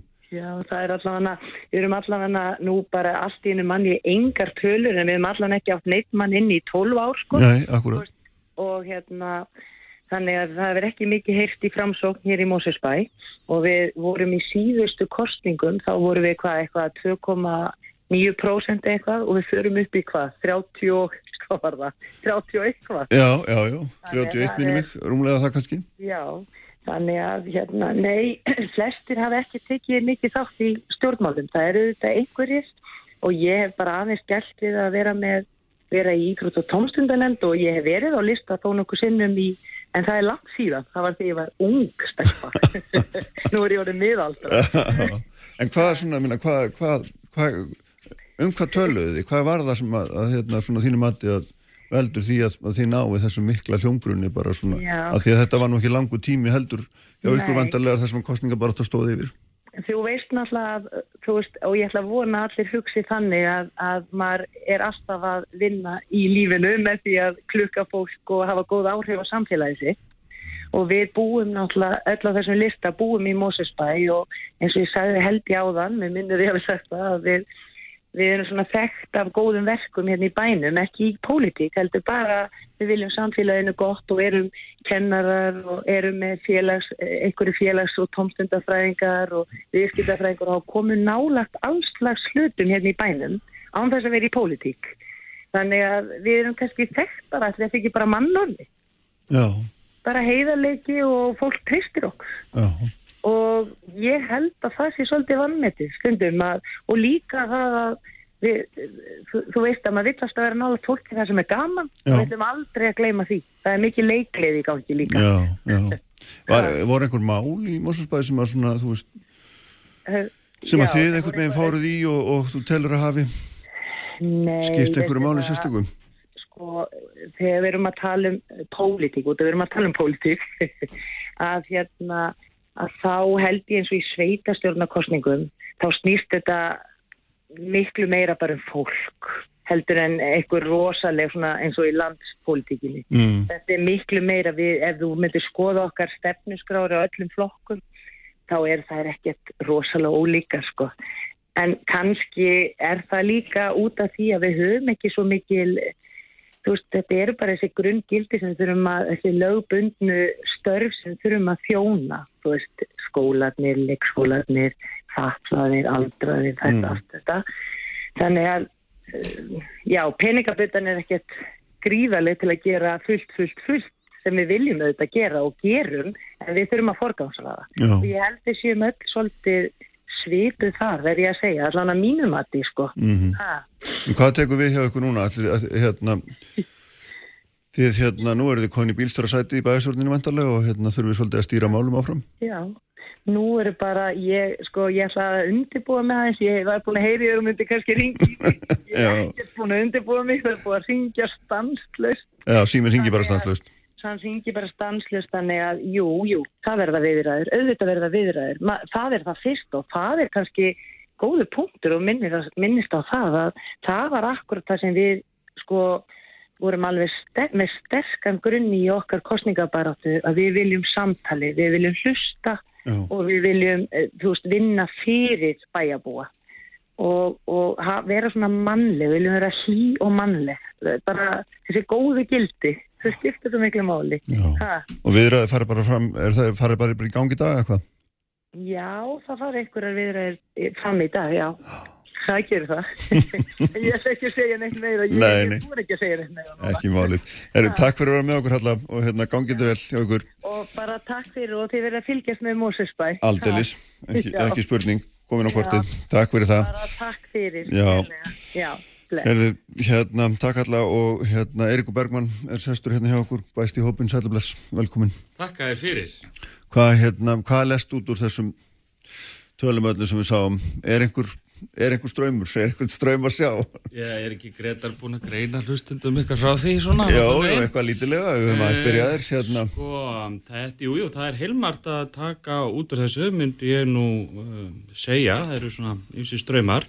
Náttúrulega augljósast af öllu er þessi stórsigur Já, framsvonarflokksins já, já, já. um, sem að um, um, verður að teljast bara alveg sérdeilis eftir tekta verður, jafnvel trátt fyrir þetta sé áframhald á þróun sem að varði aðdraganda senustu þingkostninga að það skuli, að svo þróun skuli halda áfram að svona miklum krafti og breyðast út sko með þeim hætti sem að sem að sko framgangu flokksins er í Reykjavík er auðvitað mjög merkilegt Mhm. hann er að fá svipað hlutfalli Reykjavík og annars þar á landinu sem er nú hérna í frásugur færandi Aldeilis, já. og, en það er svona í taktu það sem var að gerast aldrei í, í þingkostningum og þe þegar að flokkur eins og framflóðarflokkurinn ríkur svona fram þá rýður hann auðvitað ymsi frá sér Já. og við sjáum að sko eh, já, við, við stöldrum bara við borginni sjálfri sem er nú kannski svona uh, áhugaverða, ekki bara stæðsta sveitafélag, heldur líka áhugaverðastu niðurstöðunar um mjög margt að þá um, þá náttúrulega fellur sjálfstæðisflokkurinn niður í sitt uh, lægsta fylgi uh, frá Upphafi, vega Já, já, já. En er eiga síður stæðsti flokkurinn? Uh, samfélkingin er að, að tapa líka. Og en sko á móti kemur að samfélkingin er búin að vera við stjórnvölinu í borginni mjög lengi. Já, já. þannig að um, en sjá, sjálfstæðiflokkurinn nýtur þess ekki að vera áskorandaflokkur uh, þar í, í, í, í fylgi. Sko Vafgi hlýtur bara að þurfa að líta svolítið vel í eigin barm. Um, það gekk ekki vel hjá þeim. Ég var sveitstjórnastíðinu fyrir fjórum árum og, og ekki gekk það betur núna. Nei, nei. og, og þau hafa fórsetisra á þeirra stólinn þannig að þar er eitthvað sem að menn þurfa að horfa framann í. Síðan myndi ég líka bara segja að sko meiri hluta myndanir eru snúnar í Reykjavík en það eru margir kostir samt Já, já, upp á borðunum. Já, já.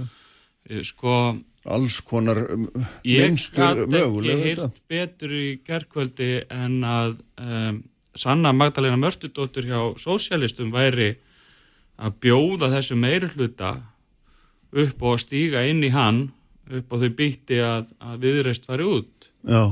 og það myndi það myndi duga en það eru held ég náttúrulega eðlilegt að sko ef að þessi meiri vil halda áfram að leita samt fyrst til framsóknar sem er stóri sigurvegarinn og, og það ber ekkit á milli, mjög mikið á milli Dags Bjeggissonar og Einars Þorsteinssonar í svona, í svona stórum meginmálum. En auðvitað verða allir að fá svona eitthvað fyrir svona sinn snúð og allt það. En sko stjórnmálur listins mögulega eins og sagt er. Og nú fer bara stað þessi stólalegur hvað er hægt að gera? Já. Og málið er að það er bara ansi margt sem hægt er að gera Já. Það er hérna, Gretar, því þú ert hérna, við erum svo hefnir að hafa þig hjá okkur en þú ert náttúrulega fyrir norðan, en þar eru sjö flokkar og síðast hérna gáttu þeir ekki komið sér saman um meiriluta, þeir voru bara allir saman í meiriluta. Hvað mun eiginlega gerast það í, í höfust og norðlands? ekki reyndar hægt að benda á það sko það var mynda meiriluti eftir kostningarna 2018 Já, já, já, ég veit það svo. Fra, framsókn, samfylking og L-listi sem að vann núna já. og sá meiriluti hann heldur, ef við lítum þannig að hann er með sex menn já, þannig já. að hann, það væri hægt að endurvekja hann já. en það er nýtt fólk að nynni þannig að maður veit ekki alveg hvað Nei. hvað verður sko, hvað það varðar en eh, sjálfstæðisblokkurinn náttúrulega tapar uh, og tapar manni og, og slatta fylgi. Mm. þannig að maður veit ekki alveg sko hvernig, hvernig menn fara að tala saman sko. Nei. blokku fólksins er þarna mjög öruglega með einn mann inni. Miðflokkurinn. Og ég held að þetta gæti orðið, orðið flókið nema bara gömlu meirlutaflokkarnir fara að tala saman hattur það er þetta ekkit útilokað Nei, nei, nei, nei. Ég held að það séu sko tvær aðrar álítanir, svona Mm. almennar Já. sem hættir að draga af þessum kostningum. Uh, önnur er svo að það einvíi sem að hófst uh, með uppgjöri uh, Sigmundar Davíðs og Sigurðar Inga á sínum tíma, leitið til stofnunar miðflokksins og tíma börðust þessi tveir flokkar um að uh, sko í einhvers konar einvíi þar sem að tekist var á um það fylgi sem að framsarflokkurinn hafði. Um, það, uh, miðflokkurinn fór mjög lagskaður út úr því einvi í seinustu uh, þingkostningum en ég held að við verðum að áleta sem svo að í þessum kostningum hafi framsarflokkurinn veitt uh, miðflokknum rótök Jaha. Uh, hvort hann rakni úr því róti einhvern tíman og geti hafið leik á nýja leik er óvíst en þetta er afhróð af slíkri stærðagráðu að setur tilvist þess stjórnmálaafs bara uh, í svona uppnám spurning uh, um það. Hinn áleitinu sem mér finnst kannski áhugavert að aðtók hvort ekki sé hægt að draga og hún er svo að Reykjavík er ekki lengur höfuð víi sjálfstæðisflokksins. Við töluðum alltaf um það hér löngum að höfuð víi sjálfstæðisflokksins væri Reykjavík. Mm. En er það ekki svolítið síðan það, Það, hægt jú, að en vera? sko, það er einhverja- svona spurning hvenar sko En hvernig þú dregur endanlega línu eða hvenar hvað? setjum við bara punktinn þarna og mm. segjum að, að slíku skeiði sé endanlega lokið en það sé ekki einhver tímabundin sko Já, já, ég skil þig, já, já, staða. Þetta er nú kannski svona stjórnmálafræðilegra fyrir okkur gretar hérna. Já, þú ert að tala um einhvern upp að endapunkta, svona já, já. skilgreina þetta. Já. því að það, og þetta er nú að verða 30 ára saga sem að uh, skilar þessu. Höfuð víi sjálfstæðisflokksins eru nágranna sveitafélög Já, já. þar sem að flokkurinn reyndar tapaði allstaðar og þeir feng, heldur reyndar hreinu meiriluta á, á Seltjarnanessi og í Garðabæ Já. en þeir töpuðu eitthvað á annan 20% stiga á báðan stöðum Það var náttúrulega merkild að að það munaði náttúrulega nánast engu að þessum tveimur flokkum hinum tækist að fella meira þeir eru eiga síður með reynan meiri hluta í tveimur af þessum sveitafélögum. Og við stjórnvölinn sko og geta haldið áfram í hinum við stjórnvölinn. Já, ef að, já, ef að svo úr spilast. en, en, en sko í, í þessum dæmum sem við erum að tala um Mm. það sem þær gætu haldið áfram það er það sem að sko sigur framsóknar hefur bjargað meiri hlutan þannig að allt hangir þetta á mikið hangir þetta á framsókn mikið á framsókn. núna í framhaldinu Sem að er náttúrulega alveg sko ævintýralegt. Þessi upprisa Já, er bara núna, núna og undanfarin ár Já. er algjörlega stór merkilegt fyrirbæri því að sko framsunaflokkurinn var flokkur sem var komin í verulega tilvista kreppu fyrir ekkert svo löngu síðan. Já. og sko það voru margar rattir um það að hann væri að daga uppi sem einhvers konar náttúröll í íslensku stjórnmálum væri ekki lengur í, í, í sko einhvers konar takt við þær þjóðfélagsbreytingar sem hefðu orðið í samtímanum og svo framvegis. En þeir hafa nú heldur betur afsanna það. Já, já, ég meina og hafa fundið eitthvað svona punkt sem að gengur út á það að, að hérna, þeir vilji vera einhvers konar sáttamidlarar á milli öfga í stjórnmálum og þeir sem að hafa kannski orðið svona þreyttir að átaka menningunni í stjórnmálum samtímas geta fundið Já, sér já. eh, Sigmundur að það tók, tók af þeim helmingina fylginu og þeir voru náttúrulega mikið konur undir Já. 10% og núna hefur þetta bara tvöfaldast upp á nýja leik og bara komið að svipa að alveg- staða fyrir var. Það er alveg fullt af áleittunum og niðurstöðum sem hættir að draga úr þessum, kjör í nótt. Já, sko. já, já. Ég held að þetta sé eins og Eiríkur að segja sko, þetta er nú alltaf því róttak fyrir miðflokkin, Mm. þessi framgangur framsvörnumflokksins en við náttúrulega það, það sem að þarf að skoða eitthvað betur sem ég hef ekki svörin við það er þessi sigur í Grindavík Já, Já, já, já, hann er alveg, hann er alveg stakur, einhvern veginn bara einangraður, já. og hinn er fulltrúarnir sem þeir halda Þa, það er á hérna í, í norðaustu kjördæmi, kjördæmi Sigmundar, það Já. er Akureyri og, og Húsæk Já, já, Já. já, já. Þetta er merkilegt hvernig þetta hérna, þróast allt saman og, og svona eins og þið nefnir alltaf vafki þetta, maður tekur sérstaklega eftir Kópavogi og ég ætla að tala aðeins við hérna, Helgu Jónsdóttur núna en, en sko þar náttúrulega er þið með mjög sterkan kandidat sem er náttúrulega fyrirhandi þingmaður og bæjarfulltrúi og velvistur maður sem að Er ræddur í Kópavogi? Já, og kennst ekki að. Sem er nú svona hérna sem er hérna sem er merkilegt. Og ég ætla að við ætlum að heyra hans hérna Helgu Jónsdóttur. Reyndar úr Kópavogi núna í örfáða mínútur. Hún hérna, þið sittir hjá mér bara róleira með hann og hérna sem er nú, Sæl Helga, ertu þarna? Já, Kristján mig ég hérna. Já, já, gott, að- gott að heyri þér, ætla að hafa mikið með stór sigur í gær. Ég takk fyrir það. um, Tveir fulltrúar, byggustu nú við þessu?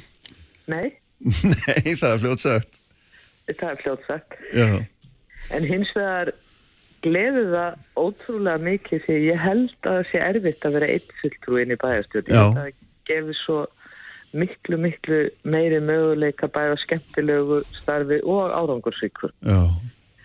Þannig að ég er, ég er svakalega glöð með. Já, en að þetta er bara nokkura, já, hvað er þetta, þetta er nokkura vikna gamalt frambúð í raun og veru og, og svona Sjö vikur. sjö vikur, já, þannig að þetta er nú daldið magnað og hérna í kostningabaratu sem stóði yfir í tvær.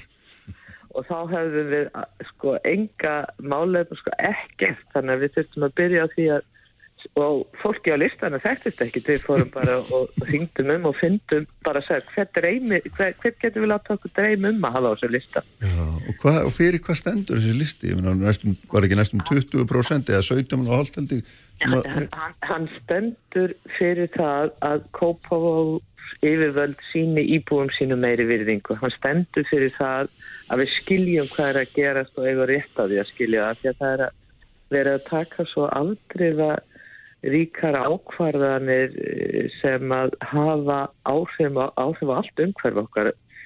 Varðandi sko aðalega það að það er búið að segja uh, fjölgun í Kópói sem á að verða um 10.600 íbúður og næsta ár með einhverjum á þéttingareitum þannig að það er um allan bæin verið að búa til þéttingareitum og þar hafa menn uh, hort mjög mikið bara á íbúðabiðina og glemti að íbúðabiðinni fylgir aukin umferð, því fylgir að það er verið að ganga á græn svæði, það fylgir ekki lýsing á því hvernig á að sinna þjónustu svo framvegis og það er eins og tilfinning okkar hefur verið svo að Kópavórsbær hafi bara gert vel í því að skipilegja nýsvæði en þegar hann er að skipilegja inn í byggð þar sem íbúar eru fyrir Mm. að þá kunna hann það mjög illa og kunni mjög illa að svara spurningu fólks og upplýsa fólk og eiga samráð við fólk Já. og við, við fórum bara fram undir þeim merkjum við viljum að fólki og viðtámsefnum sé sínd virðing Nákvæmlega, það er hérna, þannig að það er svona skiplasmálin eru þá svona þessi, Skiplagsmálin eru það sem sameinuðu okkur Já. utan vegna þess að þetta var fólk sem að eins og ég upplega hefur bara orðið fyrir barðinu á óvönduðum og ótrúlegum vinnubröðum yfirvaldana sem að e, taka ákvarðanir um að gera eitthvað sem hefur mikil áhrif á lífskilir fólks án þess að fólki skilji af hverju það er gert svona og hvers vegna ekki er hlustað á þær tillögur og þær hugmyndir sem fólki hefur. Og það, er, það er sko, og það er alveg ljóst að það er gert í þeim dæfum sem við þekkjum vegna þess að það eru fjárfestar sem að hafa fengið heimildir með samningum við Kópavórsbæ til þess að búa til skiplag það bara gefur nánast auða leið í slíku dæmum að, að arðsemi hjá fjárfestum er það sem er markmið nummer 1, 2 og 3 það þýðir rosalega freka byggð, rosalega háa byggð, rosalega tjetta byggð. Og það er mjög ábyrjandi í Kópói að sko þéttingaverkefnin framan af voru manniskulega þau er að verða þéttar og þéttari og herri og herri og búa til fleiri og fleiri vandamál. Svo við tengið hvernig eigum við að komast til og frá hvernig eigum við að vera. Ef við erum ekki í íbúnum okkur hvað er þá eftir til útífistar og svo framvegist Já. og þetta er það sem að uh, kallaði á okkur en þegar við svo setjumst yfir þá erum við búin að búa til stefnusgrá og öllum síðan en stefnusgrá samt sem áður hún byggist á því að við ætlum allstaðar að tala við þá sem að stefnan varðar og við ætlum að hlusta hvað er það, hvernig sjáu þið við Já. og hvernig ætlum þið að hvernig dreymir ykkur? Og ég til dæmis hef oft hugsað það því að nú er ég komin í þennan hóp sem að menn skilgreina sem aldraða. Já, mér finnst all umræða um aldraða vera á einhverju nótum sem að ekkert höfða til mín því að mín umræða um verkefni og gafast ölduðum er bara óskup einfallega hvernig er haldið áfram að tryggja það að það sé grænt malli möguleika til útífist og möguleika til tómstunda og, og möguleika til þess að vera með öðrum hlutum samfélagsins af því að þetta er bara eitt lægið á já. Þannig að, að svona við, okkur langar svo mikið til þess að koma af stað samtali þar sem að fólk hefur skinnina því að því sé sínd virðingu og sé hlusta á það sé ekki bara sagt við fórsefnið þetta A og við ætlum að leysa það með B Mm. heldur að segja sko það eru mörg sjónum og við, við treystum því og við trúum því og það er ekki út í bláin sem að þessar kröfur og samráð eru setta það er vegna þess að vittneskum að fólk lifi sínu lífi sjálft og upplifi sitt sjálft og það getur lagt eitthvað inn í að hvernig væri best búið að því að, fólki, til hlutæðandi fólki og næstan ákveðni og það er bara það sem við viljum gera. Heyrðu, hérna, við skulum hérna, takk fyrir að vera með okkur Helga og hérna, gangi ykkur allt í hægin í þessu hérna, verkefnum ykkar framöndan. Takk að ég kella fyrir takk Kristján. Takk, takk, bless. Heyrðu, við hérna, ég veit að þú veist að á hlaupumverkum minn það er hérna, Já, það er brín verkefni víðast. Það er, það er víst, það er, það er kostningaverkin. Já, já, nei. Eftir að kostningunum er lokið. Heyrðu, en takk Já. fyrir að koma. Og þarna, já, hérna Gretar, við, við hérna mörsum einhverja nokkra mínútur áfram. Sko, við erum að hérna, það er þetta stórsögu framframflokksins og hérna þessi miðflokkskenning og svona en, en, en svona og, og það sem er alltaf merkilegt í Reykjavík líka er að það er, það er að fylgið að flytjast af sjálfstæðarflokknum beint yfir á, á framsókn, ég meina það virtist vera í þessum könnunum sem við sáum að það hérna það væri bara stríðu ströymur þarna á milli. Já, það munum væntanlega íslenska kostningarannsóknin staðfesta. Hún verður framkvæmt eftir þessa kostningar Já. það er ekki alveg viss um það. Nei. Já, já, nákvæmlega. En hvað annars er þau svona hérna er, finnst þér höfuborgsvæði skera sem mikið úr, er, er, er mjög mikill munur á því hvernig línur liggja millir þess og svona landsbyðarinn í helsinni landsbyðin kannski ólík líka innbyrðis. Já, það, það voru sko það eru svona milli staða eru það hérna svona misjafn sko. Við erum að þetta að sjá hérna, mikinn og góðan sigur framsóknum hana næstum því allstaðar svo koma svona staðböndin case eins og Dalvíkupið sko, það sem er tapa nokkuð illa. Já, einmitt, nákvæmlega. Annað náttúrulega forvitnilegt eins og þú nefnir svona staðbundið mál er þetta hafnafjörður þar sem kemur hérna gamal gróin leittói og sópar til sín fylgi. Já. það er hérna það er líka merkilegt. Já, já, maður sem hefur ekki verið í þessum slag sko í fleiri áratví Nei, nei.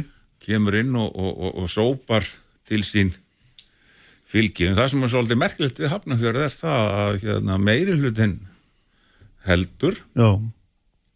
en samfylkingin vinnur mjög vel á en þeir eru fyrst og fremst að draga til sín fylgi frá, frá minni hlutaflokkunum í Hafnarfjörði til sín og nýtir þess vegna atkvæðin betur. Já, og það er þess vegna sem að sko valda hlutföllin eru eins og þeir eru. Það er reyndar sko feld ekki meiri hlutan að það munaði nú ekki miklu sko. Nei, nei, nákvæmlega og hérna, og þetta er auðvitað gamalt höfu við, vorum að tala um sjálfstæðilflokkuna þegar átt höfu við í Reykjavík, þá var náttúrulega hafnafjörður höfuð við í jafnaðamann á Íslandi. Já, hér einu, já, já, fyrir ekkert löngu síðan Nei, sko. nei, nákvæmlega, og Guðmundur Átni satt þarna náttúrulega í bæjastur og stól sem meiri hluta í mandar rétt þegar hann var, var bæjastur þarna fyrir Svo má náttúrulega nefna kannski Hmm, kannski tvö bæjarfélagi viðbót það sem að, hérna, annars vegar hveragerði, það sem að sjálfstæðsflokkurinn tapar sínum hreina meiri hluta og um, tapar manni og ekki nóg með það, tapar bæjastjórunum Mm.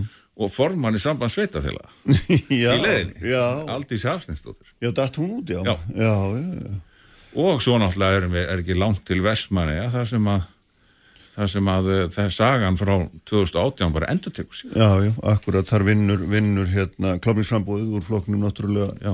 eða það heldur meiri hlutin hérna sjálfstæðarflokkurinn er þá stæstur í vestmannegjum en, en henni tveir halda meiri hlutanum. Uh, og vantlega er hún bæjastur áfram hún, hún Íris ekki satt en, en að því hún nefnir þetta svæði, ég meina sjálfstæðarflokkurinn vandrind að reyna meiri hluta í Árborg. Já, reyndar. Náði því, það, það, það var þvert á hérna, á hveragerði. Þannig að þetta er svona staðböndi svolítið, sko, Já. hvernig þetta fer þegar þú ert komin svolítið frá frá borginni. Já, en er aðeins forvitin hérna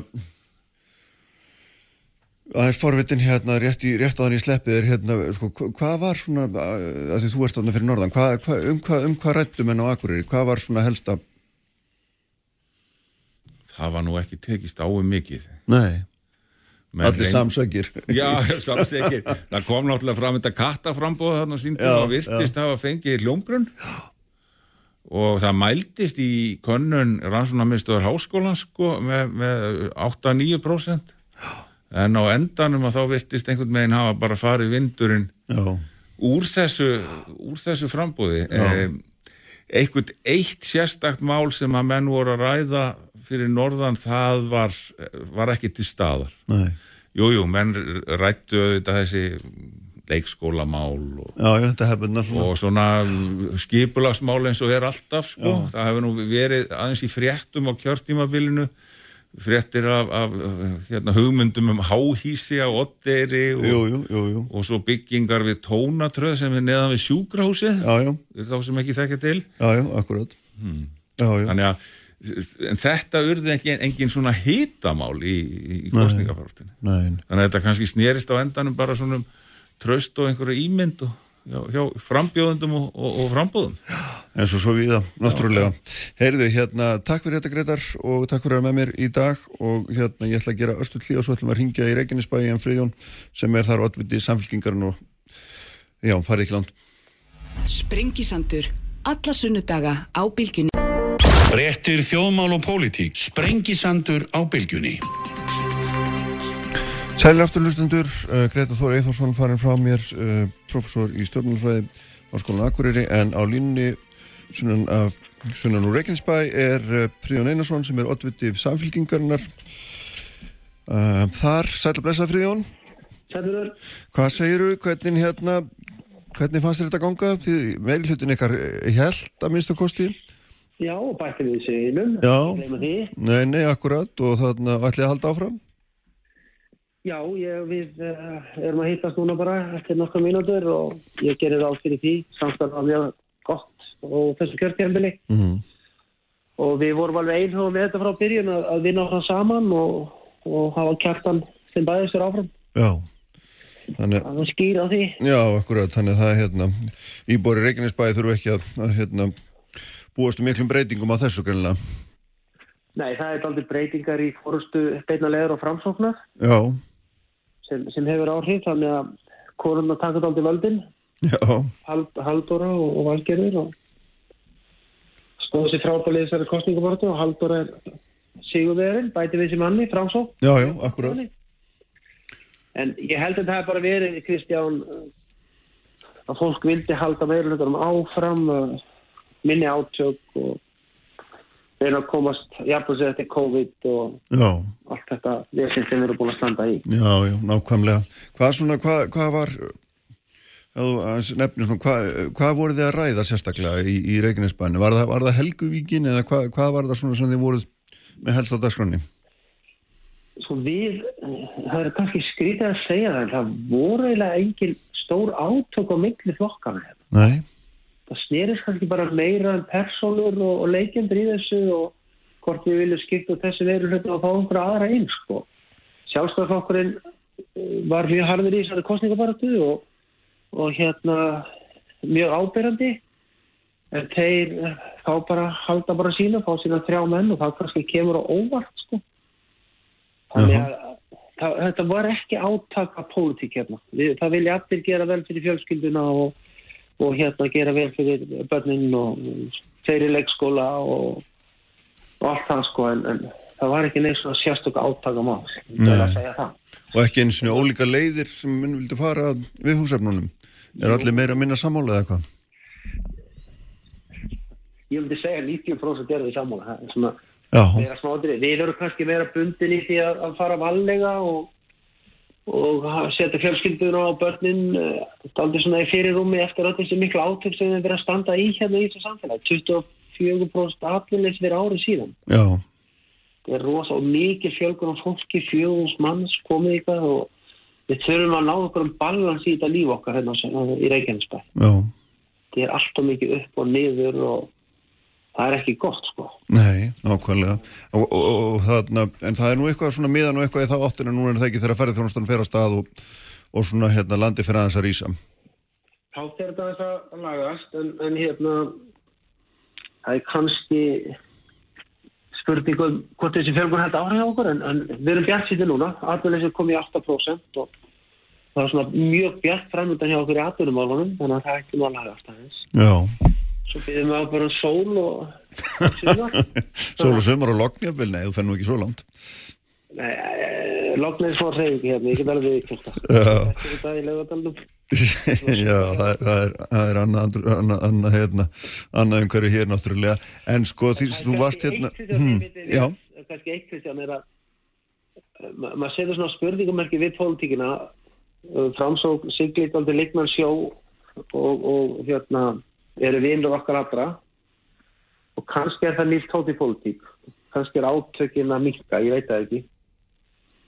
Það er Nei, svona finnst það að koma út úr þessu eitthvað með þannig sko. Já, já, akkurat, en það er aldrei merkilegt það, með það sem þú ert að segja, þeir eru 90% sammála, það veit maður ekki alveg hvar, þá er menn einhvern veginn að takast á um þessi 10%.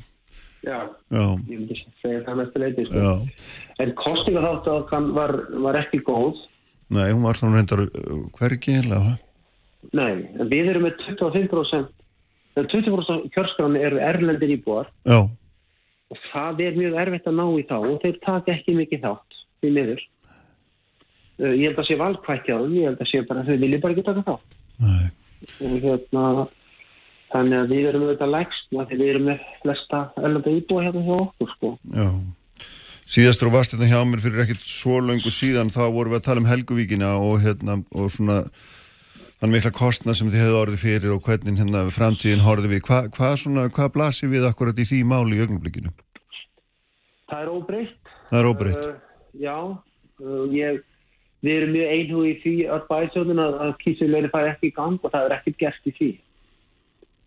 Ég held að menn nú kannski verið býðið til kostningunum og, og, og alltaf svo vera í sambandi við okkur en það er ekkert breytt uh, í Helguvík. Annað er það að fleiri og öðruvísi aðilar hafa verið í sambandi við okkur. Minni fyrirtæki, svona minni mengun og, og við erum ekki spenntari fyrir því og ég held að kjósendur sé það yfir, yfir höfuð.